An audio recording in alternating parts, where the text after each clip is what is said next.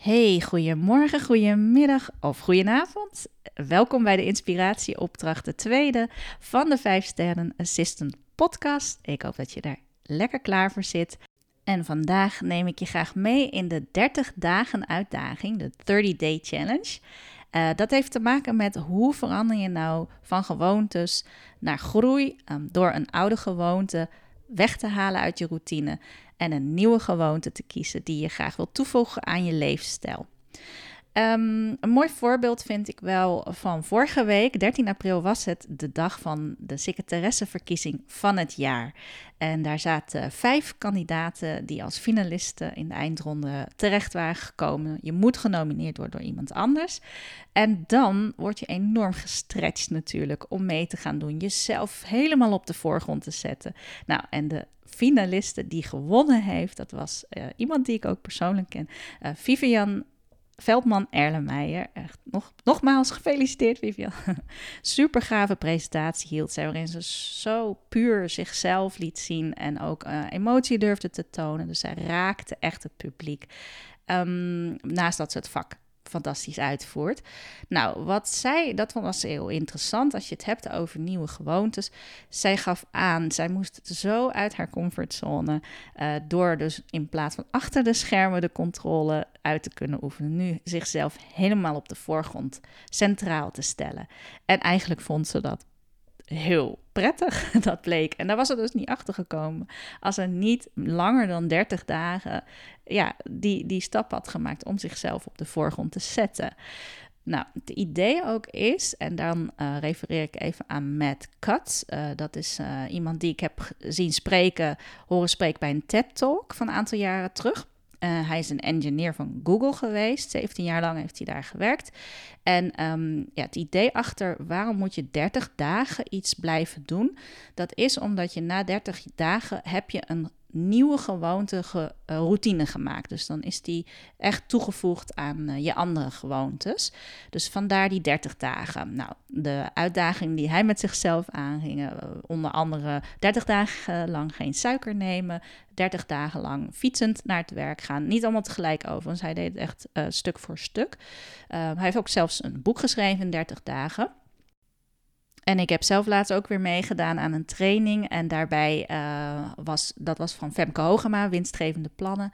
En uh, die deed een 30-day challenge, waarbij je echt al iets van nou, vijf tot zeven items op een dag, een nieuwe gewoontes dus, bijvoorbeeld twee liter water drinken, drie kwartier bewegen, um, nou en zo nog meer.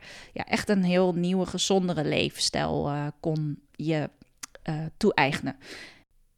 Nou, misschien heb je zelf al een idee waar je al langer mee zit van, oh, dit zou ik echt niet meer willen doen of niet meer moeten doen, maar vooral het willen. Hè? Je, je hebt de intentie om er echt verandering in aan te brengen.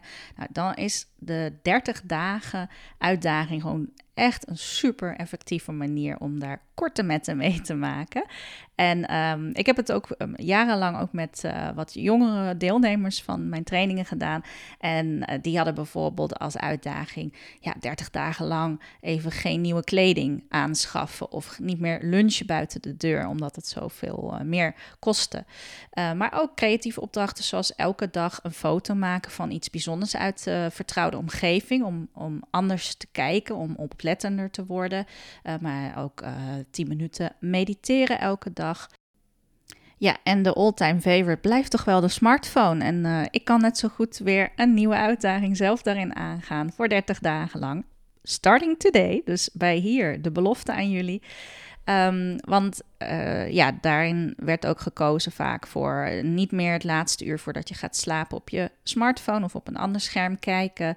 Uh, of bewust de telefoon wegleggen tijdens momenten dat je eet met andere mensen. Volledig je aandacht erbij hebben.